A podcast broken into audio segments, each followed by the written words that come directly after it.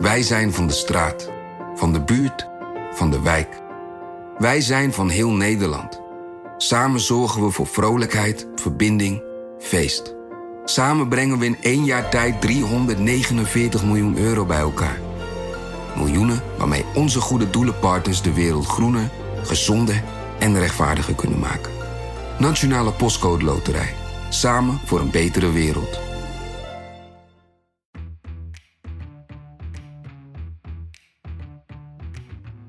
Dit is de tweede aflevering over de Binnenhofverbouwing die ik graag aan je tip. Vooral leuk om te horen hoe Lemja en Dirk Stokmans verdwalen in het doolhof van het Tweede Kamergebouw. We zijn nu ongeveer 20 meter verwijderd van het publieke deel. Nu lopen we langzamerhand een oud gebouw binnen, een, rijksmonument. Uh, hier rechts zien we opeens uit het niets opdoemen een prachtig bewerkte oude houten trap. Uh, die dus ja, ergens heen gaat. We weten niet waar naartoe. Ja, dit is weer de begane, hier, dit is weer de begane grond van het andere gebouw. Dus, oh, wacht even. Hier hebben we nog een kamers A20 trappenhuis. Kijk, nu zijn we weer op een hele andere plek. Hier waar. Nou ja, kijk, hier zijn we weer. Nee, maar misschien waren we er net namelijk. Dat is het grappige. Volgens mij waren we er net. Zie je, dus we hebben een rondje gelopen zonder door te hebben. Nu gaan we weer een trappetje op. Uh, kan. Nee. Nu zijn we weer in een ander gebouw. Kijk, daar waren we net, zie je? Nu gaan we donker in. We gaan weer een hellingje op. Nieuw gebouw dus? Toilet misschien?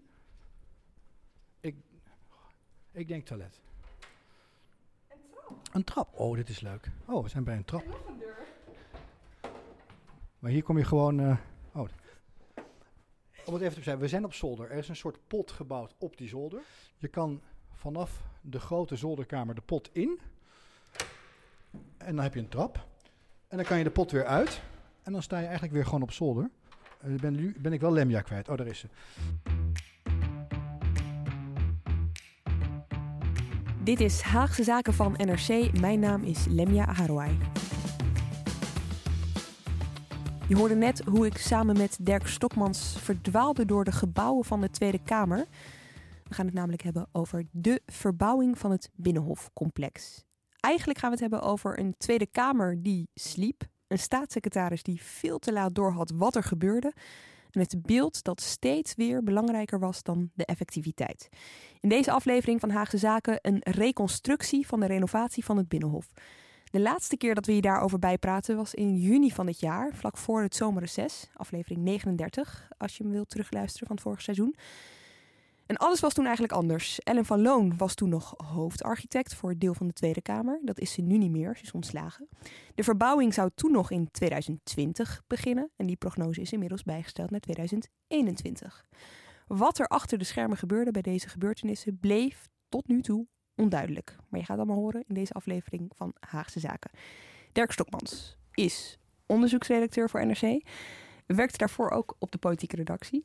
Jij reconstrueerde samen met Rick Rutte de verbouwing van de Tweede Kamer. Uh, niet algemene zaken, Eerste Kamer en de Raad van State, die allemaal ook uh, vallen onder het Binnenhofcomplex. Waarom? Nou, ten eerste, de Tweede Kamer bevat uh, twee derde van het Binnenhof zo ongeveer. Het is de grootste, het grootste deel van de verbouwing. Het is ook het meest complexe deel, omdat je daar oud- en nieuwbouw door elkaar heen hebt. Het is ook het meest politieke deel, omdat de Tweede Kamer natuurlijk het meest zichtbare deel van de politiek is. En ook uh, uh, graag politiek bedrijft. Mm -hmm. Dus deze verbouwing is heel politiek geworden en dat zie je hier het beste. En omdat Ellen van Loon is weggestuurd en we wilden weten waarom dat was en wat erachter zat. Rick Rutte, politiek redacteur, auteur van onze dagelijkse nieuwsbrief De Haagse Stemming. Abonneer je via nrc.nl slash De Haagse Stemming. Tot zover deze reclame. Jij volgt het ministerie van Binnenlandse Zaken. Die verbouwing die verliep volgens planning, hoorden we steeds, totdat het een jaar werd uitgesteld. Um, waarom is dat uiteindelijk gebeurd? Ja, er viel een maand geleden een, uh, een brief op de mat van uh, Raymond Knops, toen nog de staatssecretaris van Binnenlandse Zaken. Inmiddels gepromoveerd tot minister, tijdelijk in de afwezigheid van uh, minister Keizer Longren. Die gaat over deze verbouwing en die schreef dat, dat die inderdaad uitgesteld moest worden. En er kwam een hele stortvloed aan redenen voor langs. Het ging over de stikstofproblematiek. Het ging over verouderde ICT, die uh, heel veel moeite gaat kosten om vervangen te worden. En dan ging het ook nog eens over een motie die we sinds een paar weken bij hebben gekregen van uh, Rob Jetten. Die voorstellen dat er meer ondersteuning moet komen voor Kamerleden. Vonden heel veel Kamerleden een heel goed idee. Maar dat betekent ook dat er nog meer ruimte nodig is om al die extra ondersteuning een plek te geven. En ze gaan wat aan de beveiliging doen. Dus een hele hoop redenen. Er stond alleen niets in over het feit dat uh, de architect ook de laan uit is gestuurd. En uh, vervangen moet worden door een nieuwe architect om het hele proces te begeleiden. Ja, en we gebruiken dus, ik hoor het nu al, het woord architect en architect door elkaar. Zijn er liefhebbers van het een of het ander? Architecten zijn liefhebbers van het woord architect. Hebben wij ontdekt. En die houden wij graag te vriend. Ja. Oké. Dus uh, laten we architect proberen. Sorry alvast als het me niet lukt. Eventjes, jij zei het net al Rick, het einde van dit hele verhaal dat kennen we al. En dat is dat Ellen van Loon de laan uit is uh, gestuurd. Waarom wilden jullie dit helemaal reconstrueren? We hebben al een hele tijd dit dossier eigenlijk om ons voorbij zien trekken. Al jaren hoor je af en toe dat de Binnenhof nu echt verbouwd moet worden. Toen dat ze er eindelijk een begin mee gingen maken. Toen dat er wat gerommel was in de Kamer. Wat je vooral hoorde was dat niemand er weg wilde. En toen ze eindelijk eraan begonnen, leek er wat vaart in te komen. Tot je de afgelopen maanden vooral steeds vaker hoorde vanuit de Kamer en ook via de kranten dat er van alles mis zou zijn bij die verbouwing. De ene na de andere uh, geruchten doken op in de krant. Tegelijkertijd kon je er bijna niemand op aanspreken in het openbaar, want niemand mocht er wat over zeggen. Het is allemaal geheim. En toen, sinds de zomer, ging het heel snel. Toen werd uh, de architect van het project gehaald. Werd bekend dat er een nieuwe architect gezocht zou worden. En vervolgens spraken Dirk en ik met die architect. En bleek dat hij ook wel een heel verhaal te vertellen had. Toen dachten wij, nou, hier zit nog wel veel meer achter. Daar moeten wij veel meer mensen voor spreken om uh, te begrijpen wat hier precies gebeurd is. En het gaat ook niet nergens over natuurlijk. Het is ook nog eens uh, 500 miljoen euro aan belastinggeld. Die wordt sowieso waarschijnlijk uitgegeven, maar hoe slecht het proces loopt, hoe groter de kans dat dat natuurlijk nog meer wordt. Geheimhouding is heel belangrijk geweest in dit project. Eigenlijk mocht er zo'n beetje niks naar buiten komen. Um, dat lijkt me voor het reconstrueren van zo'n verhaal echt best wel lastig. Hoe heb je dat aangepakt? Nou ja, we zijn begonnen met alle stukken die er zijn, die je kan lezen. Er zijn altijd meer dan je denkt. Er staat ook altijd meer in dan je denkt. Hoe bedoel je dat? Nou ja, als je met een bepaald oog leest, of je leest tot het einde van een document door, dan staat er vaak uh, van alles in waarvan je helemaal niet wist dat het uh, uh, bestond. En als je alles tegelijk leest, je moet niet vergeten, Kamerleden lezen in snippers. Dan een brief, dan een brief. Maar als je het allemaal achter elkaar leest, dan komt opeens al een verhaal uit.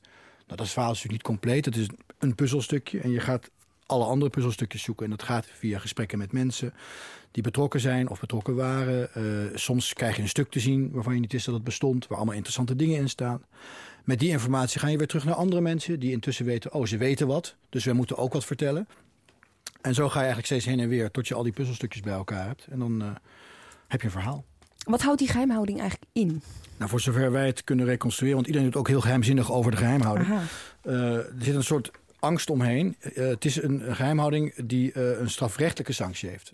Uh, voor zover wij begrijpen.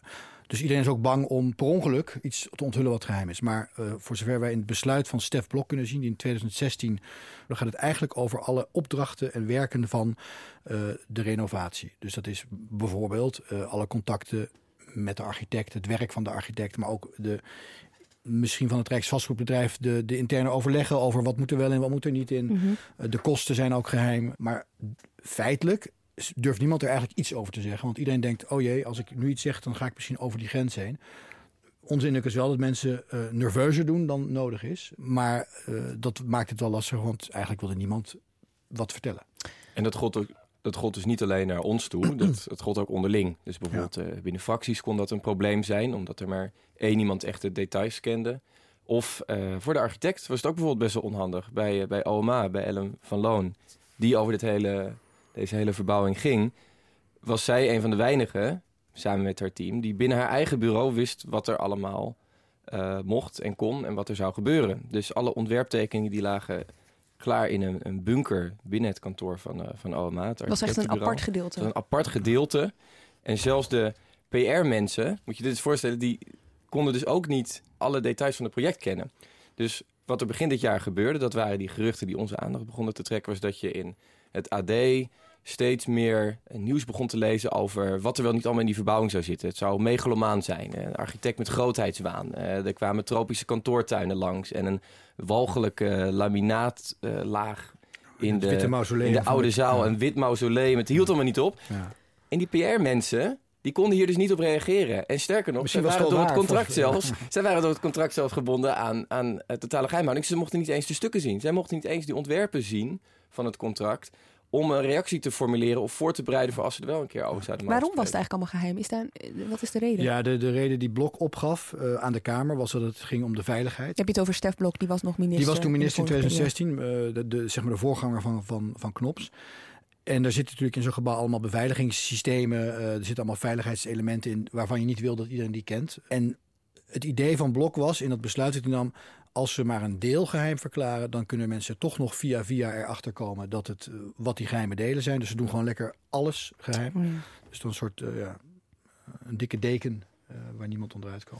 En jullie zijn hier dus sinds de zomer mee bezig geweest. En eh, we gaan zo meer de diepte in, maar eerst even kort. Waar zijn jullie, wat is het belangrijkste waar jullie deze maanden achter zijn gekomen? Nou ja, eigenlijk dat, dat alle partijen eh, eh, eh, grote steken hebben laten vallen, maar eigenlijk ook niet anders konden. Het is eigenlijk een soort eh, Griekse tragedie. Ik heb het Eh. graag de, de Oresteia van het Binnenhof willen noemen.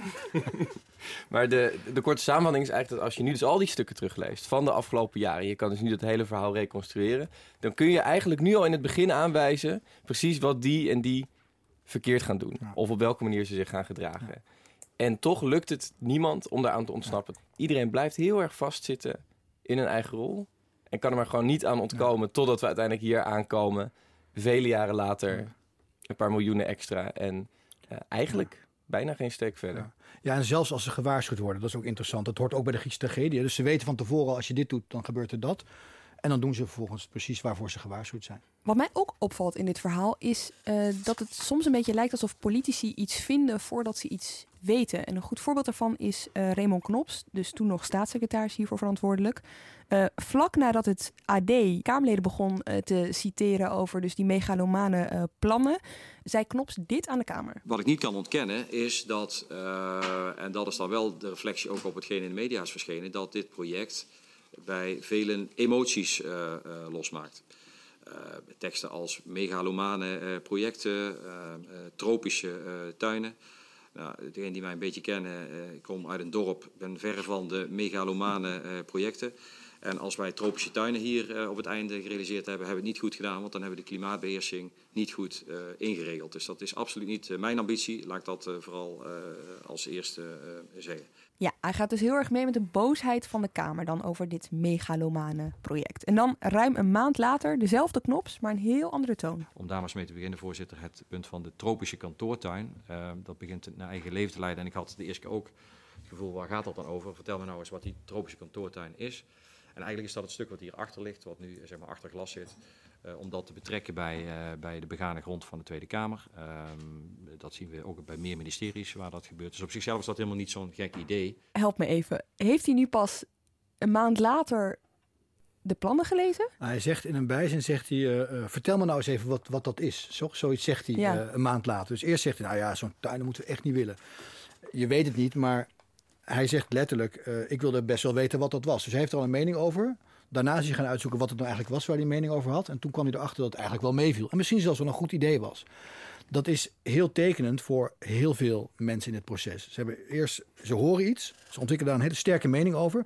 En dan gaan ze nog even uitzoeken hoe het zit. Ehm, ja, Terwijl in, in dit voorbeeld, de tuin waar het hier over gaat, die stond al een jaar in de dat ook nog, ja. ja, ja. Hij had het kunnen weten.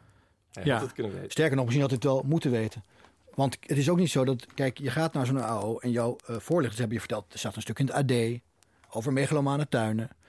Dus een voorlichter had misschien ook kunnen zeggen, laten we eens even naar het ontwerp kijken wat die tuin is. Want wellicht kan je die angel eruit halen. Dus het interesseert me ontzettend waarom, ja, je ziet daar die, die, denk ik, die reflex van een politicus die een beeld ziet, een frame, waar die niet bij wil horen. Het frame van megalomaan, daar wil hij uitstappen. Dus hij stapt daaruit eh, eh, door eigenlijk mee te gaan hè, met, met, met de kritiek en zeggen, nou, ik ben het ermee eens. En dan ja, een maand later denkt hij, oh shit. Wat, wat, je, wat, je, wat, je, wat je vanaf het begin van het hele proces eigenlijk ziet, is dat politici zo min mogelijk ermee te maken willen hebben. Het is natuurlijk geen sexy politiek onderwerp. Het is geen ideologisch onderwerp waar je, waar je voor in de politiek bent gegaan. Het is gewoon een lastig dossier. Het is ook jarenlang is de verbouwing tegengehouden. Dus al jarenlang weet iedereen dat het eigenlijk moet. Het gebouw staat nog net niet op instorten, maar veel beter dan dat is het niet. Het begint al in 2011, hè? Ja, in 2011 eh, is, is men eindelijk zover dat alle bewoners van het Binnenhof, dus de Raad van State, de Eerste Kamer, Algemene Zaken en de Tweede Kamer, het over eens zijn dat er wel dringend iets moet gebeuren. Uh, dat is belangrijk, want ze delen allemaal delen van gebouwen. Dus ze moeten ook een beetje gaan schuiven als, als die verbouwing of die renovatie uh, plaatsvindt. In 2011 is er een intentieovereenkomst, die wordt getekend. Dat wordt aangezengeld door de inmiddels overleden Eberhard van der Laan, als minister van Binnenlandse Zaken dan nog. Maar daarna ligt het toch weer vier, drie jaar stil. Dat is voornamelijk, begrepen wij, dan de nieuwe premier Rutte die het tegenhoudt. Die heeft helemaal geen zin om, uh, om 500 miljoen euro uit te geven aan zichzelf. Dat is niet goed voor het beeld. Politici die hun eigen onderkomens mooier maken. Het is dan ook economische crisis, hè? Het is dan ook economische crisis. Dat helpt natuurlijk ook niet. Ja. Uh, ik bedoel, je kan er wel een verhaal bij vertellen van... ja, dat is, dat is pas over tien jaar. Mm. Maar het beeld, want daar gaat het weer om... is ze geven een half miljard aan zichzelf uit... terwijl ze op de uitkeringen uh, zoveel bezuinigen. Dat is geen prettig beeld. daar komt ook nog bij dat al die partijen die er zitten zijn ontzettend gehecht aan waar ze zitten. Het is natuurlijk hun huis. Een van de mooiste voorbeelden die we uh, tegenkwamen uh, over hoe moeilijk dat is, de, de, is de Raad van State. Die heeft een soort, een, klein stukje van het Binnenhof is van hen. al heel lang. Maar de Tweede Kamer moet groter. En de Eerste Kamer ook. Dus er, is, er zijn ontzettend lang aan onderhandelen over of de Raad van State daar niet weg kan. Of voor een grotere weg kan. Nou, en dat duurt eindeloos. En uiteindelijk uh, is de Raad van State bereid uh, die kamers over te dragen. Maar er zit een, uh, een bepaling bij dat ze in ieder geval op Prinsjesdag altijd een plekje krijgen om vanuit het raam te kunnen kijken of zwaaien naar de, het staatshoofd van het moment. Serieus? dat, een uitzicht ja, op Prinsjesdag, dat heeft het gemaakt? Nou ja, dat is wat wij toch van meerdere mensen hoorden dat dat toch wel doorslaggevend was om die handtekening te zetten onder de intentieovereenkomst. Dus dat, het gaat soms om, laten we zeggen, kleine of emotionele dingen. Dus in die intentieovereenkomst die wordt al echt al eh, ergens aan het begin van uh, 2011 getekend. maar Rick, in 2014 komt er pas meer urgentie bij. Ja, dan begint het echt te kantelen. De brandweercommandant van Den Haag die dreigt op dat moment de hele boel te sluiten. Vooral omdat het brandgevaar, met name op algemene zaken, echt gigantisch is. Wat ze daarvan zeggen is, uh, als er brand uitbreekt, dan kunnen we de mensen misschien nog, uh, waarschijnlijk nog net redden. Maar dan moeten we het gebouw gewoon opgeven, want het is praktisch brandhout. Het binnenhof uh, is dan niet meer te redden. En dan begint toch de dag van, oké, we moeten echt iets doen. Er zijn ook veel meer van dit soort problemen. Het eten in de Tweede Kamergebouw wordt bijvoorbeeld op een zolder gemaakt. In een aparte keuken, dat wordt dan naar beneden gebracht. Dat gebeurt in liften waar ook afvalbakken in staan. Nou, dat gaat tegen alle uh, voedselveiligheidsvoorschriften in. Dus op alle mogelijke manieren worden regels gebroken. Dus het besef begint een beetje te dagen van... ja, we kunnen wel allerlei regels bedenken als kabinet. Maar het is misschien niet zo handig als we zelf tegelijkertijd in ons eigen huis al die regels in onze laars lappen. Ja, en, dan dan begint eindelijk de boel een beetje op gang te komen. En om dat een beetje op gang te helpen, om mensen dat laatste duwtje in de juiste richting te geven, worden er in de zomer van 2015 rondleidingen gegeven. Ja, dus, dus de, de, uh, het idee is bij veel Kamerleden, ja god, een likje verf, een kabeltje, weet je wel, waarom moet het allemaal zo groot? En dan uh, uh, bedenkt Lisbeth Spies, die wordt ingehuurd door Blok om, om weer een, een setje te geven aan het proces. Als je mensen nou eens gaan laten zien wat er echt is. nou, en dat de, veel, veel Kamerleden draaien dan. Die denken oké, het, het, was toch wat minder makkelijk dan we dachten. het moet echt gebeuren. Ze hebben een beetje zo'n tocht doorgemaakt als jullie samen door het, uh, door het Tweede Kamergebouw ja. maakten. Let's go. Kijk, hier zie je trouwens wel mooi al die kabels liggen boven je hoofd. Het is een soort weerwar van oud en nieuw. En ja, van die kabelgoten die bomvol zitten. Uh, je ziet waterleidingen, je ziet volgens mij uh, bluswater. Je ziet uh, een door muizen aangevreten, denk wa warm waterpijp, want hij is geïsoleerd. je ziet, je ziet een soort van internetkabels. Ja, ja, je ziet coaxkabels zitten daar coaxkabels, je ziet uh, allerlei andere elektriciteitskabels. Nou, zo. En daar zie ik serverkasten. Het is toch niet goed dat je daar gewoon bent. Echt heel grappig dit. Dus een van de, een van de dingen die uh, ook moeten gebeuren op dat moment, naast dat je draagvlak creëert, hè, dus dat de Kamerleden zeggen: oké, we doen het, is ook van wat als die renovatie nou plaatsvindt, wat willen jullie dan? Iedereen mag wensenlijstjes opzetten. Dat heet het ambitiedocument, met een mooi woord. De Kamer gaat ermee aan de slag. Die gaat uh, wensen en eisen opstellen. Maar dat is een best een gek proces. Want dat is eigenlijk iets wat voornamelijk de ambtenaren van de Kamer doen. Je moet je voorstellen, er zijn 150 Kamerleden. Maar die worden ondersteund door 1200 andere mensen. En die zijn er ook, uh, hebben er ook lange dagen. Dat zijn de koks, maar dat zijn ook de, de schoonmakers, dat zijn de griffiers, dat zijn de ondersteunende diensten. Um, die willen ook van alles. Dus er komt een enorme waslijst aan, aan, aan plannen. Wat heel grappig is daaraan, is dat ook de fracties um, mogen hun wensen en eisen invullen. van de elf fracties die op dat moment in de Kamer zitten, uh, nemen maar drie de moeite om dat ook te doen. die hebben overigens niet enorm helemaal bestormende plannen, behalve misschien de Partij voor de Dieren. die willen zonnepanelen op het dak om het gebouw duurzamer te maken. En die willen ook een plaagdiervrij gebouw. Niet omdat ze tegen plaagdieren zijn, maar omdat ze juist willen voorkomen dat plaagdieren worden uitgemoord als ze zich vertonen in de Kamer. het CDA ik heb, ik heb echt nog nooit een muis in de Tweede Kamer gezien. Jullie? Nou, uh, dat zijn, uh, dat Zullen we toch overal gekeken hebben? ja, precies. Ja. Ook geen muizen vallen. Het CDA wil een uh, bezoekersinformatiebaden dichter bij de centrale entree.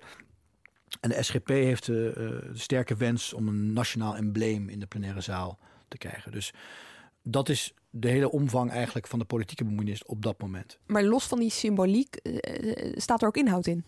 Ja, behoorlijk. En dat komt dus met name door al die ambtenaren die, uh, die Dirk al noemde. Die zien namelijk heel veel mogelijkheden voor wat je wel niet allemaal kan verbeteren.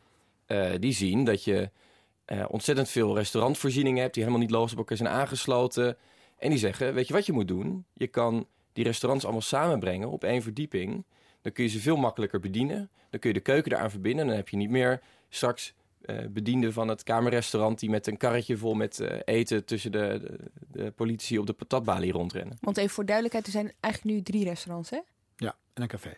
En die moeten, worden allemaal voor een deel door dezelfde keuken bediend, die op de, die op de derde verdieping uh, boven de restaurants aan het plein zit. Het zijn allemaal van dit soort logistieke ingrepen die gewend zijn, maar eigenlijk ook gewoon nodig zijn. Er zijn bijvoorbeeld ook veel meer debatten de afgelopen jaren dan voorheen, waardoor het heel, heel hard nodig is geworden vinden in elk geval mensen die in het gebouw werken om er gewoon een extra zaal bij te bouwen.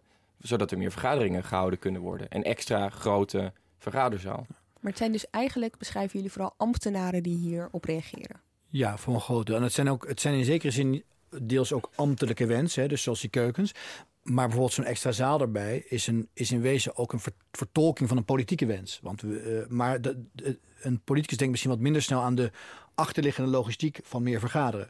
Terwijl iemand die die vergadering moet regelen en inplannen, die is de hele tijd in de agenda aan het zoeken naar een plekje. Die vindt dat, die denkt, hé, hey, een extra zaal erbij.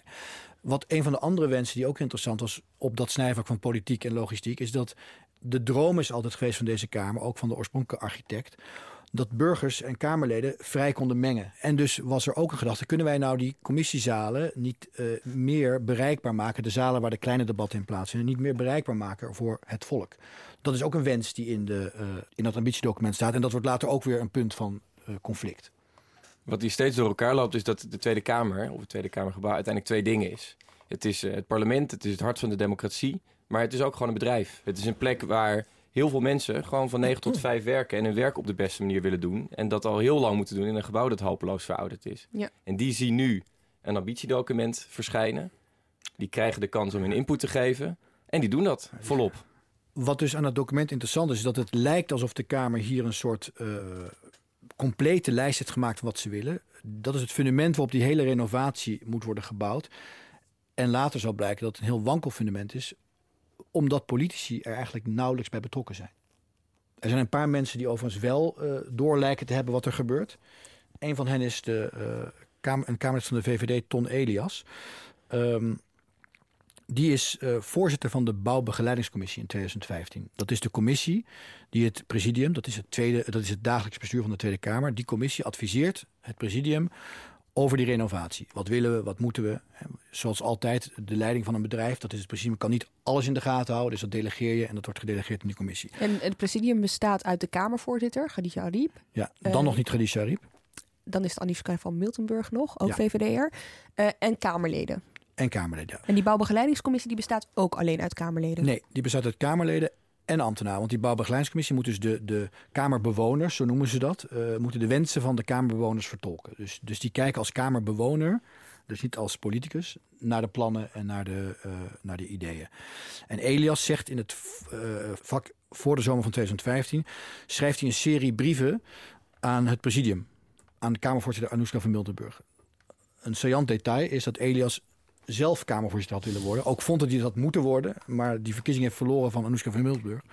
Dus um, in dat licht zijn die brieven uh, extra pikant. Maar hij heeft wel een, paar interessante punten. We hadden het net over die Griekse tragedie. Hè, dat mensen hun, hun, hun noodlot volbrengen, terwijl ze er ook voor gewaarschuwd worden. Hij schrijft, de commissie, dat is hij, achter daarbij van groot belang... dat de basisrenovatie niet verder gaat dan alleen de noodzakelijke ingrepen die voortvloeien uit wet en regelgeving, zoals brandveiligheid, het herstel van gebreken, zoals uh, technische gebreken, ICT-gebreken, beveiligingsgebreken, gezondheidsgebreken en veiligheidsgebreken. En dan een belangrijke zin, wenselijke, maar niet noodzakelijke ingrepen op het terrein van functionaliteit, wat kan je, bijvoorbeeld een extra commissiezaal, architectuur, historische en monumentale waarden en duurzaamheid dienen volgens de commissie helder te worden omschreven. En hier komt het wordt belangrijk, zodat over de wenselijkheid daarvan hier een gedegen besluit kan worden genomen. Nou, dit is precies wat er niet gebeurt.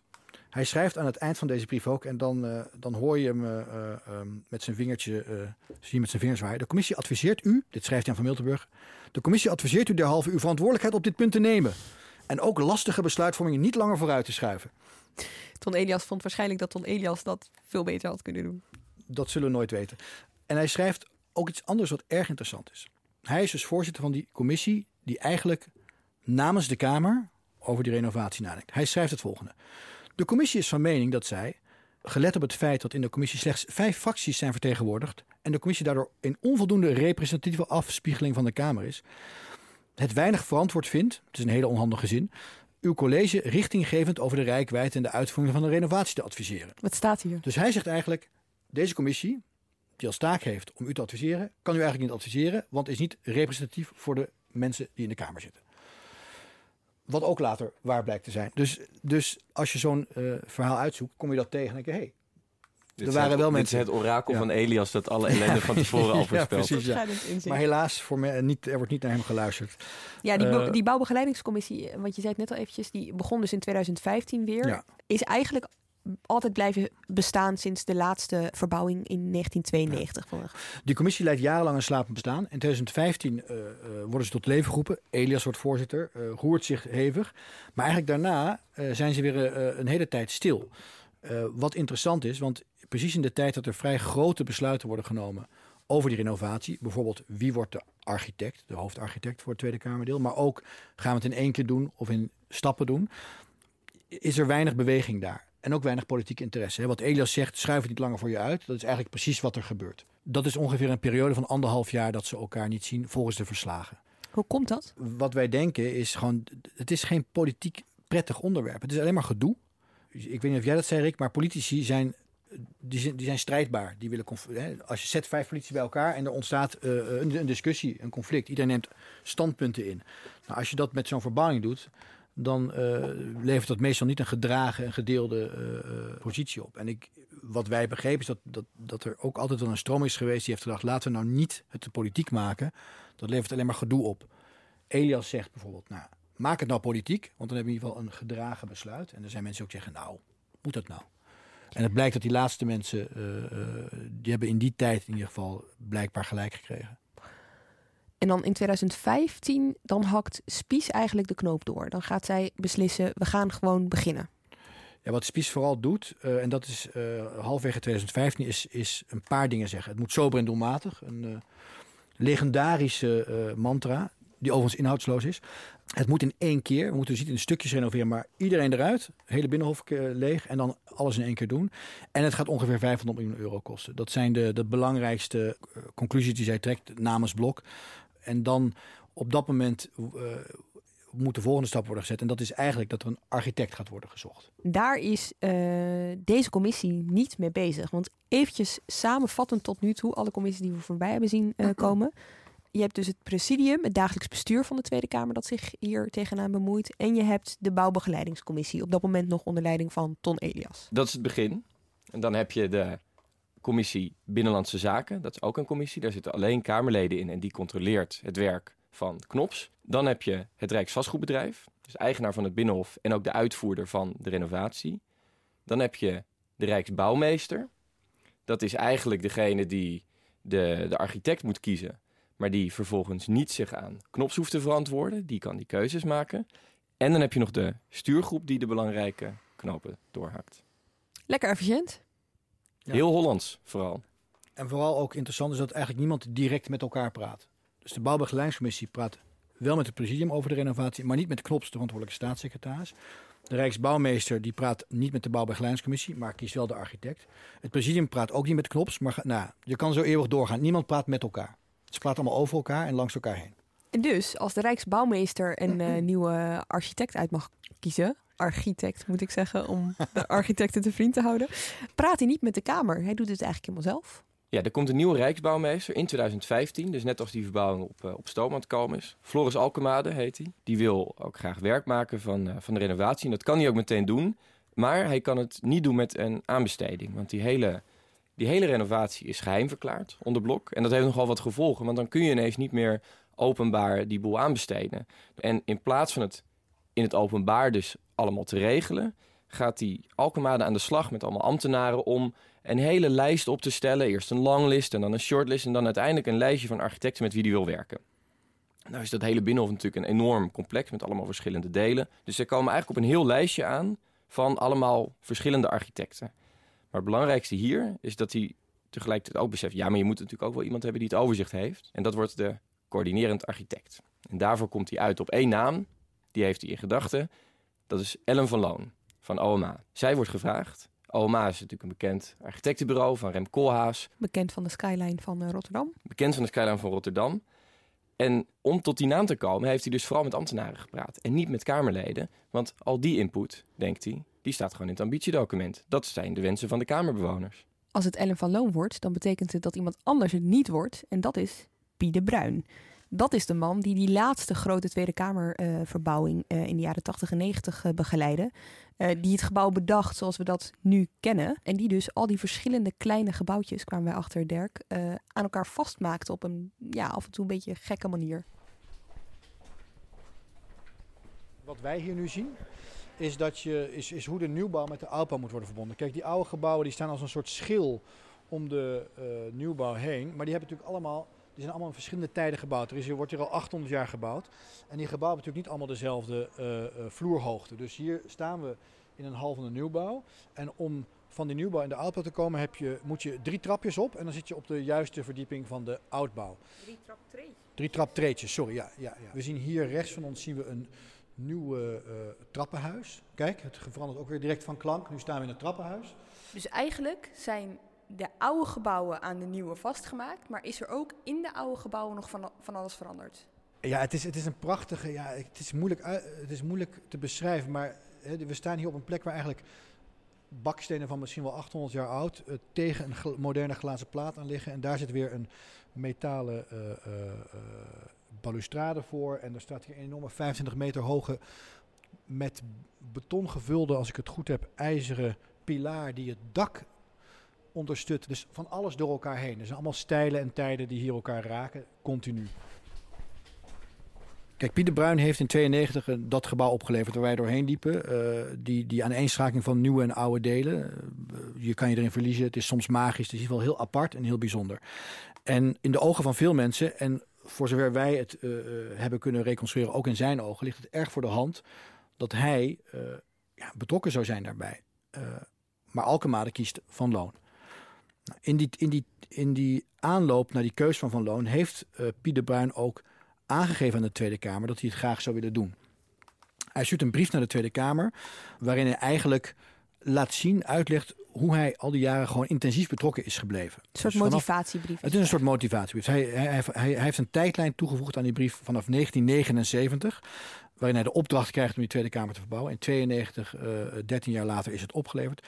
En hij beschrijft daar wat hij allemaal daarna nog heeft gedaan. We hadden ook uh, gehoord van mensen dat hij ook betrokken was als er nieuw bestek werd gekocht. Uh, dat als er een kring in de, in de bureautjes van de Tweede Kamerleden zat, dat hij dan werd gebeld van wat moeten we daarmee. Misschien apocrief, maar hè, het, tekent wel een beetje het beeld wat hij had en wat de Tweede Kamer had van Pieter Bruin als huisarchitect. Nou, die tijdlijn die, die is best grappig, omdat die duidelijk als doel heeft van kijk, ik doe altijd al alles als er iets moet gebeuren. Hij is betrokken bij de beveiliging van de Statenpassage, bij de uitbreiding van de Tweede Kamer, de inrichting van het Centraal Informatiepunt, veranderen van de rookkamer, entree binnenhof, meubilair Tweede Kamer, lift Tweede Kamer, nieuwe entreearchief, optimalisatie okay, van de gevel. Okay, nou, okay, Zo. En dan zegt hij iets dat niet onbelangrijk is. Hij schrijft iets dat niet onbelangrijk is. Als architect van de nieuw- en verbouw verbouw van een aanzienlijk deel van de binnenhofbebouwing stel ik een intensieve betrokkenheid bij de voorliggende renovatieplannen zeer op prijs. En iets later in de brief schrijft hij ook: We hebben dit en dit gedaan. De tijdens deze ononderbroken periode opgedane ervaring, studies, documenten en dossiers zijn als input bruikbaar en beschikbaar, evenals de bemensing, de kennis en de ervaring van de architecten zie. Dat is zijn architectenbureau. Hij schrijft het net niet op, maar het is een aanbiedingsbrief. Kijk, hier ben ik, ik kan het, ik weet alles al. Eigenlijk zegt hij, jullie kunnen niet om mij heen. Ik heb het al die jaren gedaan. Hij zegt, waarom, in ieder geval, waarom zou je om me heen willen? Ik heb het Ja. toch al die jaren al gedaan? Hij wordt het niet, maar hij krijgt wel een toezegging van eh Alkemade. Ja, wat Pieter Bruin al voordat hij architect gekozen is voor elkaar krijgt, is dat hij de belofte krijgt van de, van de Rijksbouwmeester dat hij een rol zal krijgen. En dat is niet het enige dat ze dan met elkaar bespreken, want dan zegt Pieter Bruin ook meteen, je moet heel goed letten op die Tweede Kamerleden, want die, die kunnen nog wel eens wispelturig zijn. En dat laat ook iets zien over Pieter Bruin, dat die heel goed op de hoogte is van het belang van de Tweede Kamer. Als in 2015 die renovatie op gang komt, dan schrijft hij dus ook niet alleen naar de Rijksbouwmeester, dan belt hij niet alleen met, met Floris Alkmade, hij schrijft ook al de Tweede Kamer aan. En zelfs als die renovatie nog helemaal niet aan de orde is, weet Pieter Bruin al, als er een groep is die hier te vriend moet houden, dan zijn het die Tweede Kamerleden. Dan moeten we even terugscrollen naar 2009. Dan zit Alexander Pechtold in zomergasten. Toen nog D66-leider. Toen, nog deze, toen al D66-leider, zou ik zeggen. En die zegt daar iets over eh, het, de plenaire zaal, over de vergaderzaal van de Tweede Kamer. Want die vindt hij eigenlijk niet strijdbaar genoeg. Wat ik zie is dat ehm, men wilde een nieuwe zaal. Men wilde wat anders en men heeft overal over nagedacht. En ik zit daar wel eens zo s'avonds in een laat debat, wanneer niemand meer gelukkig eh, kijkt. En dan denk ik, ik zit hier niet in een debatzaal. Ik zit hier in een, een tv-studio. Alles prachtig uitgelicht, dat zie je ook. Hè? Die, bij die tweede, waar je eerst hoort, bij dat eerste stuk hoor je Kok praten. Maar je denkt, waar staat die man? Nou, die wordt op zijn rug gefilmd. Maar hier is iedereen en ik heb ook een, een, een- een interview gevonden met de, de, de, degene die dit allemaal bedacht Naast Pieter Bruin, maar ook de, degene die vanuit de Kamer bedacht heeft. Die zei, ieder Kamerlid valt vanuit hier goed uit te lichten en te filmen. Dus voor het beeld is het fantastisch. En toen zat ik daar op een avond en toen dacht ik, het lijkt wel een beetje op de arena. Hè? Alles over nagedacht, maar het gras groeit niet. En hier heb ik er alles over nagedacht, maar het debat. Dus eh, na deze uitleg van zomergasten kreeg Pechtel opeens eh, een brief, voor zover van De Bruin. ehm, die reageerde op deze kritiek eh, en daar niet zo super blij mee was. Het tekent zijn betrokkenheid ook, de betrokkenheid van Pieter Bruin bij het Kamergebouw. Het tekent ook zijn, ehm, de manier waarop hij met die renovatie en toen in 92 met die nieuwbouw omging. Wat het grote succes van Pieter Bruin toen was, was dat hij in staat bleek om die zoals hij zelf omschreef, wispelturige kamer allemaal achter zijn ontwerp te krijgen. En dat deed hij door eindeloos te overleggen, eindeloos te praten, eindeloos ook te laten zien, als je dit wil, dan gebeurt er dat. Hij, hij wist heel goed, hij is heel diplomatiek. Hij weet heel goed wat Kamerleden willen, hoe ze denken. Hij weet wat de Kamer wil. Hij schrijft allemaal op in die motivatiebrief. Maar hij wordt het toch niet. En dan is het idee in het najaar van 2017, weet je wat? eh, je wordt niet hoofdarchitect, maar je kan wel samen gaan werken met Van Loon. Ja. Ja, ze zitten natuurlijk een beetje in de maag daarmee. Hè? Want aan het begin heeft de Rijksbouwmeester al beloofd aan Pieter Bruin dat hij een rol zal krijgen. Dat vinden ze ook wel vanzelfsprekend. Er is ook onderling respect tussen, tussen deze architecten. Alleen, Pieter Bruin is ook wel van toch een ander slagarchitect dan, dan Van Loon. En die, Van Loon, dat weten ze nu, die gaat de verbouwing begeleiden. Die, gaat de, die heeft de grootste opdracht gekregen. Waarom Dus hebben ze eigenlijk niet? Sorry, nu denk ik, waarom hebben ze eigenlijk niet voor Pieter Bruin gekozen? Nou ja, kijk, Alkemade, ehm, die heeft een visie op hoe dat moet gaan. Dat, die deelt hij ook in de stuurgroep waar hij bijvoorbeeld Van Loon eh, ehm, aankondigt. Zijn idee is over dat binnenhof, kijk, dit is een door de eeuwen heen gegroeid zooitje. Allemaal gebouwen aan elkaar geplakt, eh, doorgebroken. Maar het is wel heel mooi. Het is typisch Nederlands. Het is een soort, het is een soort poldermodel eh, waar je bij staat. En, en alle, allerlei generaties architecten hebben daaraan meegebouwd. En zijn visie is, we moeten nu een nieuwe generatie de kans geven om hun stempel te drukken. Of een stempel te drukken om, om, om te laten zien wat zij vinden van deze democratie. Dus hij heeft heel erg sterk in zijn hoofd zitten. We moeten een nieuwe stap zetten. We moeten verder. Dit is een kans. Niet alleen maar om kabels te verleggen en de dingen brandveilig te maken. Maar ook om het gebouw klaar te maken voor nog eens 30 jaar democratie. Maar dan wel door de ogen van een nieuwe generatie architecten. En per definitie, al, al was het maar omdat hij de eerdere eh, nieuwbouw heeft ontworpen, is Pieter Bruin niet de nieuwe generatie architecten. Hij is dan ook al 73, dus ook qua leeftijd is hij niet meer de nieuwe generatie. Hij komt er niet helemaal uit hè, met Van Loon als ze die samenwerking moeten bespreken. Nee, ze gooien er wat etentjes tegenaan. Ze proberen daar nog een soort chemie te smeden, maar die is er gewoon niet. Waar ze dan uiteindelijk op uitkomen is dat ze Pieter Bruin vertellen dat hij een, eh, een rol krijgt. Wat mag hij doen? Hij mag eh, meedenken. Hij wordt co-auteur, noemen ze dat, van, eh, van een deel van de renovatie. En hij mag dus meedenken, maar wel onder de paraplu van OMA. En Van Loon is de baas. Precies. En omdat, dat wordt heel fysiek ook, want dat betekent bijvoorbeeld dat hij op het kantoor van OMA daar zijn werk kan doen. En ook onder contract staat van oma. Dus niet van het Rijksvastgoedbedrijf. Oma is zijn baas. In de tussentijd is Van Loon natuurlijk al gewoon bezig met haar plannen maken op basis van, eh, van de eisen van eh, de Kamer en de ambtenaren. Die presenteert haar plannen dan in 2017 aan die be- bouwbegeleidingscommissie. Ja, september 2017. Zij is in april 2017 formeel aangesteld, 1 april. En ze, ze gaat lekker aan de slag en levert wat, zoals het heet, het structuurontwerp op. Is een soort algemene eerste indruk van, nou, dit zijn jullie wensen, hoe ga ik die uitvoeren? En de basis van haar ontwerp is dus aan de ene kant de eisen van het Rijksvastgoedbedrijf en aan de andere kant dat ambitiedocument. Je moet je voorstellen, er zijn honderdduizenden eisen die niks te maken hebben met het ambitiedocument. Gewoon de techniek. eh, De, maar er zijn, eh, en je hebt de dingen die het ambitiedocument vragen. Je hebt ook de wens van eh, de Rijksbouwmeester Alkema. Die zijn ook verwerkt in de contracten, zo- voor zover we begrijpen. Bijvoorbeeld, een van zijn ideeën is, al die oude gebouwen zouden we eigenlijk weer meer moeten laten zien zoals ze waren toen ze gebouwd werden. Daar moet ze ook rekening mee houden. Dus het is een hele waslijst dingen. Maar belangrijk voor de Kamer is natuurlijk, wat doet ze met onze wensen? Nou, dat presenteert ze dus met ontwerpboek van al een paar honderd pagina's. En dat gebeurt inderdaad in september 2017. Wat wij daarover hoorden achteraf is dat er eigenlijk twee eh, eh, eh, herinneringen aan die bijeenkomst zijn. We hebben ook het verslag, dat is inmiddels openbaar ook. Aan de ene kant legt Van Loon allerlei beslispunten voor, een stuk of 19. Eh, van jullie wilden een, grote plenaire, een, een grotere vergaderzaal. Ik heb dat idee, dat idee en dat idee. Kies maar. Jullie willen de restaurants. Nou, zo gaat dat. Als Van Loon uit die vergadering kon, nou, dat ging hartstikke lekker, joh. Ze zijn over eh, 80, 90 eens. Ja, daar was wel wat kritiek. En sommige dingen vinden ze echt een stom idee. Maar zo gaat dat. Om een, een voorbeeld te geven van hoe de Kamer erin staat, is eh, Van Loon heeft een nieuwe entree bedacht. En daar heeft ze de nieuwe de scanstraten, dat zijn de veiligheidsbordjes, die heeft ze onder de plenaire zaal geplaatst. Nou, dat ziet de Kamer en die zegt, nee, dat moeten we niet doen. Daar schrikken ze van, want die zijn als de dood dat er straks eh, een terrorist met een, eh, een rugzakje naar binnen loopt en zich recht onder de grote vergaderzaal opblaast. Maar, zeggen ze, over die nieuwe entree verder, hoe je die in gedachten hebt en dat je die daar hebt bedacht, zijn we enthousiast. Als je alleen die veiligheidsportje ergens anders neerzet, dan, eh, dan zijn we eigenlijk helemaal akkoord. Of om een ander voorbeeld te geven, Van Loon heeft dus die hele restaurantvoorziening overhoop gehaald. Die brengt ze allemaal samen, zodat er één restaurant is, zodat dat veel makkelijker bevoorraad kan worden. Heeft de Kamer eigenlijk niet zo heel veel op aan te merken. De enige voorwaarde die ze hebben voor deze hele ombouw is dat het eh, menu even gevarieerd blijft. Eigenlijk zie je hier al eh, het verschil tussen haar werkwijze en die van de Kamer. Hè? Want zij gaat weg met het gevoel van, nou ja, dit, dit is vaker zo. Hè? Dit was mijn eerste idee, ik krijg wat feedback, daar ga ik mee aan de slag. Maar de kant van de Kamer denkt er op dat moment al anders over. Nou, dat, wat, wat, wat je moet voorstellen is die Kamerleden die lopen van, van vergadering naar vergadering. Die, pakken een stapeltje papier, gaan één uur daar zitten, praten ze over weet ik veel jeugdzorg, een ander uurtje praten ze over. En dan moeten ze dit nog doen, ernaast. Heel veel Kamerleden, ehm, of de Kamerleden die daar zitten, zijn vaak eh, niet goed genoeg geïnformeerd om, om ja, tegenspel te bieden aan zo'n architect die natuurlijk, weet ik veel, 50, 60 uur per week met dat ontwerp bezig is. Die voelen zich een beetje overvallen.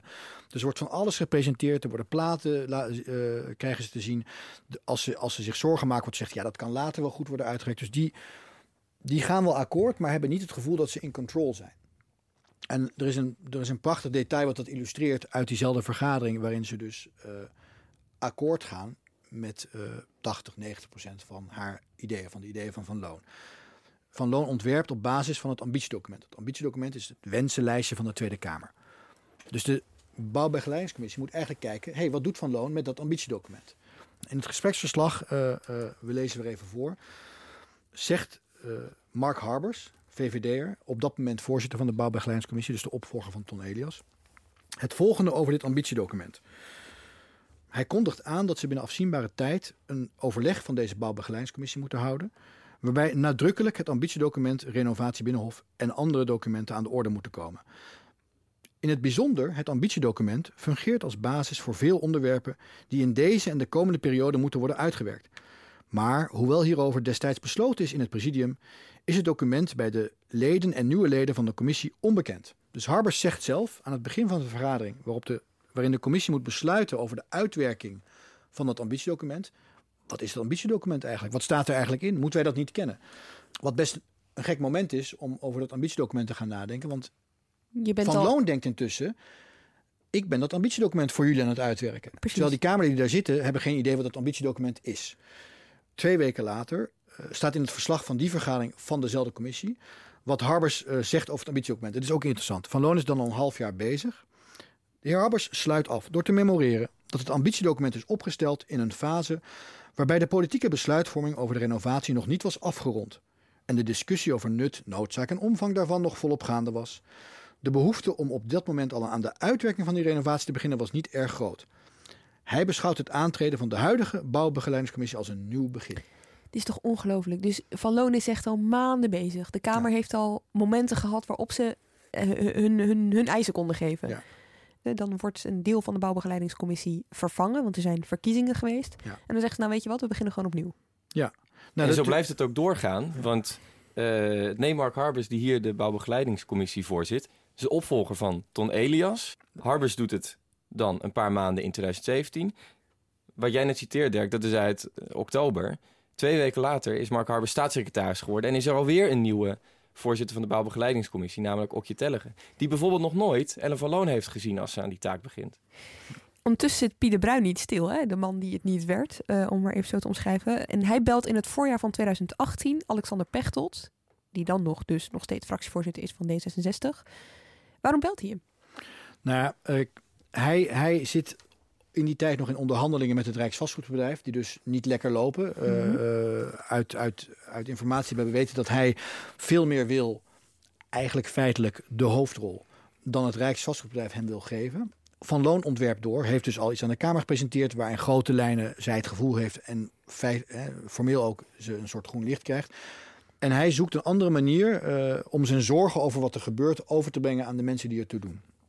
Hij belt Pechtold en zegt: Meneer Pechtold, kunt u mij in contact brengen met de mensen uh, die over die verbouwing gaan in de Tweede Kamer? Want ik maak me zorgen over wat ik hoor. Pechtold die, uh, neemt weer contact op met Khadija Ariep, die dan de Kamervoorzitter is geworden. En met Okje Tellege, die is dan inmiddels de opvolger van Mark Harbers, uh, voorzitter van de Bouwbegeleidingscommissie. En voor zover wij begrepen, heeft, dat contact, heeft hij het contact dus gelegd tussen Pieter Bruin aan de ene kant en Khadija Ariep en Okje Tellege aan de andere kant. En die hebben met elkaar gesproken en we, we, kunnen aannemen dat daar de zorgen over wat er allemaal gebeurd is, uh, uh, is besproken. En dat leidt en dan? Dat, ja, precies. Dat, dat gaat, blijft niet zonder gevolg, zoals ze zo mooi zeggen. Uh, in de zomer van 2018, 19 juli 2018, midden in het zomerreces, moeten Floris Alkemade, de Rijksbouwmeester, en Ellen van Loon, de architect, op bezoek komen bij Ariep Tellege, dus de twee Kamerleden. er zit nog een griffier bij om, uh, om zich te komen verantwoorden. Ze zitten letterlijk tegenover elkaar. Het is niet bepaald een leuk gesprek, want vooral Ariep is boos. Die heeft jaren van alle kanten gehoord dat het wel goed ging met die verbouwing. En die is kort daarvoor toch op andere gedachten gebracht. En die heeft eigenlijk over alles vragen. Want, zegt ze, waarom uh, is deze klus naar OMA gegaan? En uh, wie, wie, heeft dit, wie heeft deze wensen opgesteld? Elk deel van die hele verbouwing dingen die al, zaken die al jaren daarvoor zijn geregeld, die worden hier door Ariep ineens weer ter discussie gesteld. En het vreemde is ook dat uh, Van Loon nog helemaal niet de kans heeft gehad om zelf haar ontwerp aan Ariep of aan Tellege in persoon uit te leggen. Zij, Ariep heeft wel met uh, de Bruin gesproken, maar nog niet met Van Loon. En de vragen die ze nu op Van Loon afvoert, daar, uh, daar staat Van Loon ook echt een beetje paf van. En Alkema ook, want zij denken, hier is van alles al van bekend. Maar Ariep had het uiteindelijk toch gewoon allemaal wel kunnen weten. Dit had toch niet nieuw voor haar moeten kunnen zijn? Ja, maar je moet niet vergeten dat een Kamervoorzitter is natuurlijk niet met dit soort dingen bezig. Die zit de Kamer voor. Uh, er zijn altijd belangrijke zaken. Kijk, zij heeft, of het presidium, hè, want zij is vertegenwoordiger van het presidium, heeft die taak gedelegeerd eigenlijk aan die commissie. Die moet de boel in de gaten houden. Um, maar die commissie, dat weten we inmiddels, die weet eigenlijk niet wat ze willen. Want dat ambitiedocument kennen ze niet. Dus die, die doet maar wat, zou je misschien kunnen zeggen. Uh, ja, en, en ergens heeft iemand de zorg bij Riep aangewakkerd over die restaurantie van plek van de, de commissiezalen, een nieuwe entree. Van Loon die volgt wel dat ambitiedocument, dat wensenlijstje van de Kamer. Maar het gevolg is wel een totale verbouwing van binnen van dat gebouw van Pieter Bruin. Dus niet alsof er niks verandert. En dat druist in tegen het gevoel wat in ieder geval het presidium heeft, of de meerderheid van het presidium. We zijn toch, het gaat toch prima hier? Waarom moeten we alles anders doen? Dus, en daar komt ze pas later achter. Ja, om, omdat het nooit is geëscaleerd, zoals het zo vreselijk heet. Iedereen heeft altijd een, is een beetje meebewogen. Dus ja, ze had het misschien kunnen weten, maar je kan denk ik ook niet van haar verwachten dat ze die ontwerpen zelf leest. Nu gaat Van Loon weg met een vervelend gevoel van dat gesprek. Maar ze denkt ook nog steeds wel bij zichzelf: oké, okay, dit kunnen we nog wel oplossen. Ja, ja want kijk, eh, zoals ook bij die bouwbegeleidingscommissie, het is eigenlijk een spiegel daarvan. Hè. Dus Van Loon presenteert van alles, krijgt deels kritiek, deels iets. Zegt, nou, die kritiek, die helpt mij verder. Een volgende stap in een proces. Maar eh, dat is niet wat de kritiek is. Die kritiek is eigenlijk, stop, dit willen we niet. Maar dat hoort ze niet. Zij hoort, dit stukje willen we niet, maar ga lekker door. Pas het aan. Eh, ehm, en ja, dat komt eigenlijk eh, feitelijk nooit meer goed. Dus vanaf dat moment gaat Van Loon verder aan de slag. Maar het is wel duidelijk dat, dat het vertrouwen gewoon bij de Tweede Kamer dan al weg is. Na dat ehm, niet zo prettige gesprek huurt Ariep een externe directeur bedrijfsvoering in. Wat, wat wil zij van hem? Ariep en Tellige die zijn heel boos op uh, Ellen van Loon, op de architect en op de Rijksbouwmeester. Maar ze hebben ook wel door dat hun eigen kamer heeft zitten slapen. Die bouwbegeleidingscommissie die hen had moeten adviseren, die heeft zijn werk niet gedaan, denkt ze. Dus als we hier snel iets aan willen veranderen, dan kunnen we er maar beter voor zorgen dat er iemand van buiten komt die ons te hulp schiet. En dat doen ze. Daarom huren ze die externe directeur in. Die maakt een rondje en die komt eigenlijk al heel snel tot twee conclusies. De eerste is, het gaat met Ellen van Loon gewoon niet lukken. Je moet toewerken naar Pieter Bruin, want de Kamer is eigenlijk gewoon heel tevreden met wat ze nu hebben. Die wil niet zoveel veranderen. En de tweede is, die Kamer die heeft het, over een nieuw begin, over nieuwe wensen, over dat ze het niet eens zijn met dat ambitiedocument. Kom maar op, laat er maar weten wat je dan echt wil. Dus een nieuw ambitiedocument. Ja, alleen het blijft een beetje lastig, want die Kamer weet nog steeds niet op alle fronten precies wat ze nou wil. En dat wordt voor Verloon ook heel onhandig. Als er iets is wat er in dat nieuwe ambitiedocument of dat nieuwe programma van eisen staat, dan zijn het eigenlijk vooral dingen die de Kamer absoluut niet wil. Het is vooral een soort memo aan Van Loon om heel veel dingen niet te doen. En tegelijkertijd, die Kamer weet het ook nog steeds niet helemaal. Dus om een voorbeeld te geven, Ellen van Loon heeft aan het begin dat ambitiedocument gezien, dat er aan het prille begin van het hele proces lag. En daarin stond, we moeten eens een einde maken aan die stoelendans die elke verkiezingsronde weer plaatsvindt in het Tweede Kamergebouw. Want wat gebeurt er dan? De Tweede Kamerfracties die worden groter, die worden kleiner, die gaan allemaal verhuizen. Die ambtenaren die zitten overal doorheen, dus die moeten ook mee verhuizen. En dat zorgt er elke keer voor dat er een enorme stoelendans plaatsvindt. Waar iedereen flink wat tijd aan kwijt is, waar geld mee gemoeid is. En vooral die ambtenaren zijn daar helemaal klaar mee, want voor hen verandert er eigenlijk helemaal niets. Ellen van Loon die komt met een oplossing. En dat is eigenlijk de enige oplossing die daarvan kan bedenken. Namelijk, je scheidt die twee delen van elkaar. Dus in de ene helft van het Tweede Kamergebouw zet je alle ambtenaren. En in de andere helft van het gebouw zet je de fracties. Dat doet ze, dat stelt ze voor. Maar als de Kamer dat ziet, dan denken al die Kamerleden... ja, hou even, dit willen we eigenlijk helemaal niet. Onbespreekbaar. Onbespreekbaar, zeggen ze. Als je ze spreekt en vraagt waarom ze dat nou zo vervelend vinden... dan laten ze doorschemeren dat ze het eigenlijk wel prettig vinden... dat er af en toe wat ambtenaren tussen hun fractie en uh, de, de, de buurfractie zitten. Gehoren gebouw dit? Behoorlijk. En daar hebben ze helemaal niet zo'n trek in. Uh, dus laten ze aan Van Loon weten dat ze geen zin hebben in, uh, in die verandering die zij voor ogen heeft. Maar wat staat er nog steeds in het nieuwe programma van eisen? Dat er een einde gemaakt moet worden aan die stoelendans dus van alle probleem, Kamerbewoners. Dus het probleem is hetzelfde, alleen de oplossingen van Van Loon, daar zijn ze niet zo blij mee. En Precies. andere oplossingen zijn er eigenlijk niet.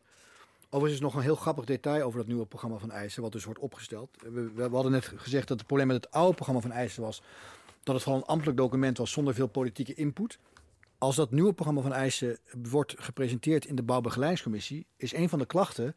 Dit is wel een heel ambtelijk document. Waar is de politieke inbreng?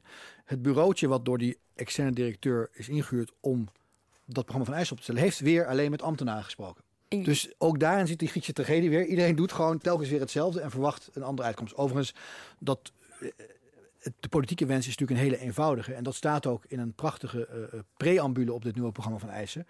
Namelijk, dit is een fantastisch prachtig gebouw van een tijdloze allure.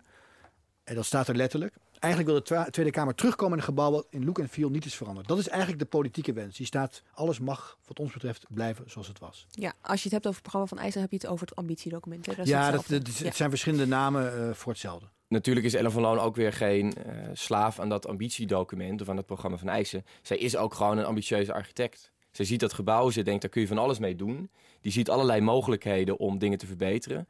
En zij denkt ook steeds, als je dat dan niet wil, dan moet je dat maar aan mij vertellen. En dan ga ik daarmee aan de slag. Dus zij gaat heel erg uit van het idee van communicatie en leg maar aan mij uit wat je niet wil. En het, is ook een principiële kwestie, want ze, ze, zij is ook iemand die zegt van, luister, ik ga niet slechte ideeën uitvoeren. Er is waar ook zoiets van, als ik een ontwerp maak waar we straks honderden miljoenen aan besteden, ga ik het niet meemaken uh, dat het een slecht ontwerp is, in mijn ogen. Dus wat de Kamer ook wil, ik ga iets goeds afleveren. Dat helpt dus ook niet in de communicatie, zou je kunnen zeggen, nee. dat zij er steeds mee komt. Oké, okay, dus we hebben een Kamer die eigenlijk zo min mogelijk wil veranderen aan het Tweede Kamergebouw. hebben Van Loon, die redelijk ambitieus is. En dan is er nog Pie de Bruin. En zijn plannen overlappen het meest met de Kamer. Ehm, namelijk eh, zo min mogelijk veranderen. Dus, dus wat er gebeurt is, die externe directeur die, die heeft rondgekeken, rondgepraat en al gauw concludeerd, hey, die twee passen heel goed bij elkaar eigenlijk. Hè? Wat, wat er vervolgens gebeurt, het Rijksvastgoedbedrijf had al uh, toegezegd aan Pieter Bruin en de Alkmaar ook van je krijgt een rol. Nou, en wat die directeur doet, uh, namens het presidium allemaal, is tegen Pieter Bruin zeggen: Pieter Bruin, jij mag een review maken van het ontwerp van Van Loon. Dus jij mag eigenlijk naar het ontwerp van Van Loon kijken. En dan zeggen wat je daarvan vindt, wat daaraan niet past bij jouw auteurschap van het gebouw. Hè, dus wat, wat jouw gebouw uh, uh, beschadigt. En wat je misschien zelf zou doen als je daar alternatieven voor zou willen bedenken. Nou, en die review die uh, leidt tot een volgend pijnlijk overleg. Want Pieter Bruin die mag die review presenteren aan de bouwbegeleidingscommissie. Dat gaat gebeuren op 12 maart 2019. Van Loon weet overigens dat Pieter Bruin die review doet, maar hoort opeens op die ochtend van de dag dat Pieter Bruin die review mag presenteren, dat die vergadering plaatsvindt. Zij is daarvoor niet uitgenodigd. Dus uh, je moet je voorstellen, de, uh, er wordt kritiek geleverd op haar plan, maar zij mag dat plan niet zelf presenteren. Dat vindt ze best gek, to put it mildly. Zij tikt een boze brief, een boze mail aan Okje Tellige, de voorzitter van die commissie. Zegt, luister, ik hoor dat Pieter Bruin mijn ontwerp gaat bekritiseren. is het niet logisch dat ik eerst even uitleg wat het ontwerp precies is? Een dag later, dat overleg is dus al geweest, krijgt ze een mailtje terug van Tellige. Die zegt, sorry, je kan je verzoek richten aan die externe directeur, want we hebben het zo geregeld dat de contacten Ouch. via hem lopen. Ja. Pieter Bruin heeft dus eigenlijk zit uh, een ontwerp te bespreken, terwijl de architect daarvan dat niet mag. Maar wat hij doet, is niet het ontwerp van, van loon bespreken. Wat hij voornamelijk doet, is zijn eigen ideeën presenteren. En die passen uh, veel beter bij uh, die preambule over de tijdloze allure van een gebouw, wat eigenlijk niet hoeft te veranderen. Slim van hem. Ja, nou, het, het, die twee passen als een potje en een dekseltje op elkaar, de Kamer en Pieter Bruin. Het is sowieso een rotperiode op dat moment voor Ellen van Loon. Hè? Want uh, het ene na het andere bericht verschijnt in het AD over hoe zij eerdere gebouwen, bijvoorbeeld het ministerie van Buitenlandse Zaken, zou hebben verpest. Over komt hij eindelijk de tropische kantoortuin. met een palmboom. ik vind het allemaal wel de moeite dat een van de redenen dat ze zich bij uh, bij Omai zo stoorde aan die berichtgeving over die tropische kantoortuin was dat dat zij zegt ja een kantoortuin dat is dat is helemaal niet een tuin. Dat is zo'n open werkplek waar je niet van die hokjes hebt maar waar je gewoon allemaal in zo'n grote ja. zaal naast elkaar zit. Daar staan misschien helemaal geen planten. Dit is gewoon een, een groene gracht een een groen oord te midden van een gebouw. Ja. maar belangrijk om te vermelden is zij kan dan ook niet reageren nog op al die berichten want zij zit al op dat moment nog onder de geheimhoudings plicht. Misschien ook goed om even te benadrukken. In die week voordat Pieter Bruins review houdt, komen er opeens allemaal lekken over de schandaligheid van Antwerpen in de krant. Wat natuurlijk grappig is, is dat het AD, of althans de Kamerleden die naar het AD lekken, die hebben het vooral over de megalomane kantoortuin, waar ik het net over had. Um, nou, of die megalomaan is of niet, daar kan je over discussiëren. Maar wij hebben dat ontwerp tot het einde doorgebladerd. En ook met, met in gedachten van wat is nou echt megalomaan in het ontwerp? Als er nou één ding megalomaan zou kunnen zijn, is het de, de salon verticaal die Elle van Loon had bedacht. Dat moet je zo zien. De oude plenaire zaal van de Tweede Kamer, de oude zaal was vroeger een balzaal, waar uh, de adel kon dansen. En die wordt nu gebruikt voor afscheiden, andere congresjes, dat soort dingen. Dus representatieve functies. En er gaat een prachtige houten trap, een marmeren trap, sorry, die hebben wij gezien. Yes. Uh, uh, uh, gaat daar naar die oude zaal toe, maar die is op een, op een gegeven moment doorgezaagd, schuin om een liftkoker erin te zetten. Nou, dat is een verminking. Van Loon had bedacht, als we nou, hè, denk nou eens aan die allure van zo'n zaal. We maken een kamer die ook een lift is. De salon verticaal. Dus je moet je voorstellen, echt een kamer, gewoon een, een, een zaaltje die omhoog en naar beneden kan. In dat zaaltje staat een troon, de troon van Willem III. Uh, en dat is een, een, een, zoals zij het omschreef in haar, in, haar, in haar ontwerp, een combinatie van Hollandse soberheid en Franse, Franse allure. allure. Uh, nou ja, wij dachten alle twee, als je nou echt iemand in de krant wil afvakkelen, dan is dit natuurlijk een ideale uh, ding. Maar het staat wel op pagina 238 of 83, nou in ieder geval ver achter in het ontwerp. Misschien hebben ze het niet gezien, je weet het niet. We vroegen ons natuurlijk ook af waar nou dat hele idee van megalomane plannen vandaan kwam. Want dat is op een gegeven moment een enorm eigen leven natuurlijk gaan leiden... dat het een, een megalomaan ontwerp zou zijn. Terwijl het allemaal zo sober en doelmatig moest. Precies. Dus wij dachten van, hè, waar, waar is het nou misgelopen dat, dat Ellen van Loon dat beeld opwekte? Nou, wat is interessant? Dat woord megalomaan, dat komt al heel vroeg voor in die discussie.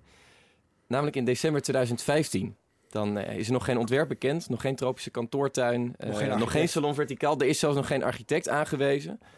Eh, Floris Alkemade is net aangetreden als Rijksbouwmeester. Dat he- die hele renovatie moet ongeveer nog beginnen. Maar dan al ligt er een motie op tafel van eh, de PVV, van eh, Barry Matlener. En die zegt, eh, overwegende dat het kabinetsplan renovatie Binnenhof veel verder gaat dan noodzakelijk onderhoud of kleine verbeteringen en megalomane trekken vertoont. Van mening dat het onnodig veel geld kost in tijden waarin de Nederlanders zijn opgezadeld met enorme lastenverhogingen.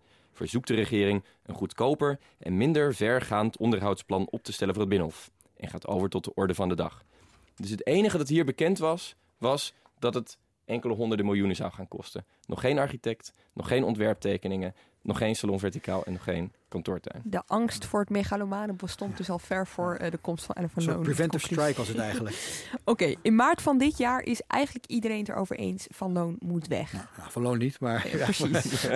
maar andere- de mensen die over gaan wel. Ja. Alleen dan is de vraag, wie neemt die verantwoordelijkheid? Ja. Wie neemt dat op zich? Ja, dat is natuurlijk altijd het, eh, een, een belangrijk spel in de politiek. Hè? Dus wie, wie, wie neemt de pijn? Kijk, eh, Van Loon heeft in ieder geval altijd eh, naar tevredenheid van, de, van het Rijksvastgoedbedrijf gehandeld. Ehm, dus, en dat is, haar, dat, dat is degene met wie ze contact heeft. Die, die kunnen haar niet zomaar de laan uitsturen. Het zou ook tot vertragingen leiden. Staatssecretaris soms wil dat helemaal niet. Maar op een gegeven moment kunnen ze niet meer. Want Ariep die stuurt gewoon een brief naar Knops. En zegt, eh, succes verder met je renovatie. Wij kappen ermee. We doen niet meer mee. We doen, eh, echt, het staat er nou, niet, bij- bijna zo. Wij stoppen met alle medewerking. De werkgroepen waarin allerlei kleine dingen worden uitgewerkt, worden allemaal gecanceld. Dus ja, dan kan je nog dat contract wel hebben. Ariep heeft gewoon, dat is best wel een, eh laten we zeggen, een stoere zet. Gewoon gezegd, ja, we stoppen er helemaal mee. Ja, en dan in juni eh, is eh, de raming, hè, de begroting voor het geld van de Tweede Kamer, hoe ze dat uitgeeft. En eh, dan zit Ariep ook in de zaal. En dan gebruikt ze een woord dat in de architectuur een beetje wordt gezien als heiligschennis. En het gaat ons aan het hart dat dit gebouw niet verminkt wordt. En dat wij daarvoor moeten waken. Het gaat om het woordje verminkt. Ja, eh, verminking is iets wat je als architect niet met andermans werk doet. Dat, ja, dat, dat, dat is in, in die wereld is dat echt, als jij andermans gebouw verminkt, dan heb je echt iets vreselijks gedaan. Die term is misschien per ongeluk in haar, eh, in haar bijdrage gekomen. Maar het is voor Misschien mensen. Misschien niet. Maar eh, in die wereld is het een keiharde beschuldiging. En ondertussen moest er iemand eh, van Loon dus gaan vertellen, eh, ja, we gaan, eh, we gaan met je stoppen. En wie bel je dan? Nou ja, kijk, eh, zoals zo vaak in Den Haag moet iemand van buiten, een wijze, eh, de besluiten nemen die iedereen al eh, voorziet. Nou, en de, de, de oplossing is, zoals zo vaak in het dossier, Alexander Pechtold. Die wordt gebeld door Knops van, joh, luister, Ariep heeft je naam genoemd. Je, je- je- jij houdt van de Kamer, je houdt ook van mooie dingen, van kunst, van architectuur. Ideale tussenpersoon. Hij de moet deus ex machina in deze hele Ja. tragedie. wat natuurlijk heel grappig is, want hij heeft, wat is het? Ehm, een jaar daarvoor heeft hij Pie de Bruin in contact gebracht met Ariep. Dus hij mag de, de brand blussen die hij zelf heeft aangestoken. Hij gaat aan de slag, bestudeert de zaak. Denkt, nou ja, god, je kan vinden wat je wil van het ontwerp van Alma. Maar het is in ieder geval niet een schandaal. Dat zegt hij. Dat valt ook weer niet goed. Bij Ariep? Maar bij Ariep. En bij, maar Knops zegt ook tegen hem, nou, luister vriend, eh, dat doet er allemaal niet meer toe. We moeten verder. Oma moet weg. Eh, ja, en dan, dan doet Pechtold eigenlijk iets wat ja, voor de buitenstaander klinkt het heel eenvoudig. Zegt, luister jongens, we moeten beter met elkaar praten. We moeten echt die, al die verschillende groepjes die met elkaar bezig zijn, dat moet beter georganiseerd worden. En die geheimhouding die moet er echt af. En we zijn nu een paar maanden verder en er lijkt niks te zijn gedaan met die adviezen. Er wordt heel veel gepraat, Aha. hoor je dan? Er Maar wordt al- gepraat over hoe het overleg verbeterd kan Maar al die worden. groepjes, die zijn er nog steeds. Maar al die groepjes die zijn er nog steeds, van Dus de stuurgroep tot de bouwbegeleidingscommissie, Precies. tot de, de, de commissie Binnenlandse Zaken, noem ze allemaal maar op. Ook de geheimhouding die staat nog steeds overeind, wat natuurlijk wel grappig is. Als iedereen eh, de afgelopen maanden steeds verkondigt dat ze vinden dat als er iets moet veranderen, dat het is dat die geheimhouding eraf moet. Zijn er blijkbaar toch krachten die vinden dat als je het ze binnenskamers vraagt, eh, liever niet willen dat alles zomaar in het openbaar komt. Weten jullie wie? Weten Iedereen wijst naar elkaar, dus ja. dat is lastig eh, feitelijk vast te stellen. Ook een Het enige constante dat- in dit dossier. Ja, ja, precies. Ja. Het, het enige dat heel duidelijk veranderd is, is dat eh, Ellen van Loon weg is. Dat eh, oma is afgekocht voor 2,7 miljoen. Dat is dus niet alleen een gouden handdruk. Dat is ook omdat ze dus een heel groot deel van het ontwerp hebben geleverd dat wel gebruikt gaat worden. Dus al die, die logistiek, alles wat je Ja. niet ziet, waardoor er uiteindelijk een hele hoop oma in het gebouw zal zitten. Al zullen we het daar nooit over hebben. En Pieter Bruin lijkt dus de nieuwe architect te worden. Eigenlijk is er niemand over. Hij had al een hoofdlijnenovereenkomst gesloten met sta- staatssecretaris Knops. En inmiddels zijn de contractonderhandelingen ook afgerond. Eh, hij heeft ook een, eh, zo begrepen wij, al een ontwerp gepresenteerd de af- afgelopen week aan de bouwbegeleidingscommissie. Hoeveel heeft dit tot nu toe gekost, behalve die 2,7 miljoen? Want dit, dit hele project werd in 2015 begroot voor 475 miljoen euro. Ja, dat is het prijsspel 2015, zoals het zo mooi heet. Daar moest alles voor gedaan worden. Daar zat ook onvoorziene kosten in. Dus het zou nooit boven dat bedrag uitkomen. Wat heel grappig is, dat daarna een discussie is ontstaan. We zijn inmiddels vier jaar later van wat is dat prijsspel dan vandaag? Nou, Knops die, die, draait zich in allerlei vreemde bochten om dat niet te hoeven zeggen. Die, eh, en Kamerleden worden woedend op hem. Waarom wil je niet zeggen hoeveel het nu is? Nou, eh, we zouden Kamerleden kunnen adviseren om in de brieven te kijken die Knops naar de Kamer heeft gestuurd. Want in een aantal voetnoten heeft hij per ongeluk, of toen het nog geen probleem leek, al gemeld wat die prijspijlen in latere jaren zijn. De prijs was 499 miljoen eh, in 2017. Als we in 2025 zouden uitkomen, dat zou zomaar kunnen, zitten we al op 555 miljoen. Staat in de brieven van Knops. En dan ga je over de magische grens van een half miljard. Ja, het klinkt toch anders of je Ja. 499 of 555 zit. Diezelfde Knops die dus, laten we zeggen, niet, eh, niet alles wil zeggen over het prijsspel, heeft natuurlijk sowieso een gekke rol. Hij is verantwoordelijk. Ehm, iedereen die wij spraken over het dossier zei, ja, Knops zat altijd op de Antillen. Eh, dat zal feitelijk niet zo zijn. Ook wel weer Maar, frame, hè? Nou ja, weet je, het is, het is iedereen zegt dat, dat de ander niet zat op te letten. Eh, feit is, we hebben aan het begin van de uitzending laten horen hoe Knops ook zelf vrij laat achter bepaalde eh, beeldbepalende elementen van zijn eigen ontwerp kwam. Maar Moet, moet je hier niet nog even benoemen dat hij ook staatssecretaris is voor Koninkrijksrelaties, toch? Om een ja, afval ja, het is- hij, hij, hij, hij, hoort, hij hoort ook af en toe op de Antillen te zitten. Hè. Het is niet dat hij daar vakantie, het- dat is geen vakantie. Eh, maar kijk, hij heeft natuurlijk wel, na dat gesprek in de zomer van 2018 tussen Ariep, Alkemade, Van Loon en Tellegen, was natuurlijk al duidelijk dat er een enorm probleem was. Heeft een jaar geduurd voordat er daar voor dat groot probleem een oplossing kwam. Nou ja, een jaar is misschien heel kort, ik weet het niet. Eh, Maar het kan misschien ook sneller. En, en dat, dat, zou je, eh, eh, dat zou interessant zijn om te vragen waarom hij daarop door wilde gaan. Ja, hij wil natuurlijk niet toegeven dat het allemaal zou gaan uitlopen in tijd en geld. Dus in jullie maanden eh, lange speurwerk zagen jullie een eh, onduidelijke rolverdeling, kunnen we wel zeggen. Een onoplettende Tweede Kamer hier en daar. Een cultuurclashje, echt een andere manier van werken tussen Ellen van Loon aan de ene kant en politie hier aan de andere kant. Nou ja, een staatssecretaris die er eigenlijk veel te laat eh, bij komt. Was er uiteindelijk hè, niet gewoon één coördinator nodig die de hele boel coördineerde? Ik bedoel, was dat niet een oplossing geweest? Dat zou het natuurlijk veel makkelijker maken. Maar dat zou ook betekenen dat het veel makkelijker was om iemand de schuld te geven. Je ziet vaak bij dit soort projecten dat eh, ministers of staatssecretarissen er helemaal niet zoveel trek in hebben om de eindverantwoordelijke te zijn. Want je weet dat het om heel veel geld gaat. Je weet dat er een goede kans is dat het bedrag nog eens op gaat lopen. Je weet dat er een goede kans is dat er op één manier kritiek gaat uitbreken. Niemand wil die verantwoordelijkheid. Niemand wil die verantwoordelijkheid hebben. Maar de stuurgroep Renovatie Binnenhof heeft nu een nieuwe voorzitter die er bovenop gaat zitten. En dat is? Zijn naam is Alexander Pechtold. Aha. dat is toch dus nu wordt alles Ja. anders. Nog één, ik ga jullie nog één, om één voorspelling eh, vragen. Want ehm, het is nu dus uitgesteld naar 2021. 2021 over verantwoordelijkheid nemen is ook het verkiezingsjaar voor de Tweede Kamerverkiezingen. Verwachten jullie dat het dan wel allemaal gaat lukken? Wat gaat lukken? Nou, eh, de verbouwing. Nou ja, de- hier zie ik weer iemand die zijn verantwoordelijkheid Ja. probeert te ontlopen. ik, eh, als, als ik politicus was, voorspellen doen, als, zou ik niet uitgebreid me hiermee gaan bezighouden als ik verkozen wilde worden. Maar verwacht je dat de eerste... Nou ja, de, bruin, de, de, de, de, formele planning is nog volgens mij dat, ze, dat het ontwerp kan worden opgeleverd. Maar ja, de knop is al gezegd. Het wordt in ieder geval uitgesteld tot die stikstofproblemen zijn opgelost. Ik gok dat Rutte er nog wel zit als de verbouwing begint. Maar verkiezingsjaar 21 lijkt me al een stuk eh, lastiger. Dank jullie wel. Rick Rutte en Dirk Stokmans. Dank ook voor het luisteren. De productie van deze aflevering was in handen van Iris Verhulsdonk. Volgende week, dan zijn we er weer. Tot dan. En voordat je hem uitzet nog eventjes dit. Wil jij Haagse zaken mede mogelijk maken? Wil je tegelijkertijd ook nog eens de verhalen lezen van de mensen die hier aanschuiven? Je kan het allebei doen tegelijkertijd door één abonnement af te sluiten. En dat doe je op nrc.nl slash podcastabonnement. Je hebt aardig wat vermogen opgebouwd. En daar zit je dan, met je ton op de bank. Wel een beetje saai, hè? Wil jij, als belegger, onderdeel zijn van het verleden of van de toekomst? Bridgefund is een slimme fintech die een brug slaat tussen de financiële behoeften van ondernemers en van beleggers. Dus wie belegt bij Bridgefund krijgt niet alleen een mooie vaste rente, maar brengt ook ondernemers in beweging. Echt waar, met die ton kan je zoveel betere dingen doen. Bridgefund. Make money smile.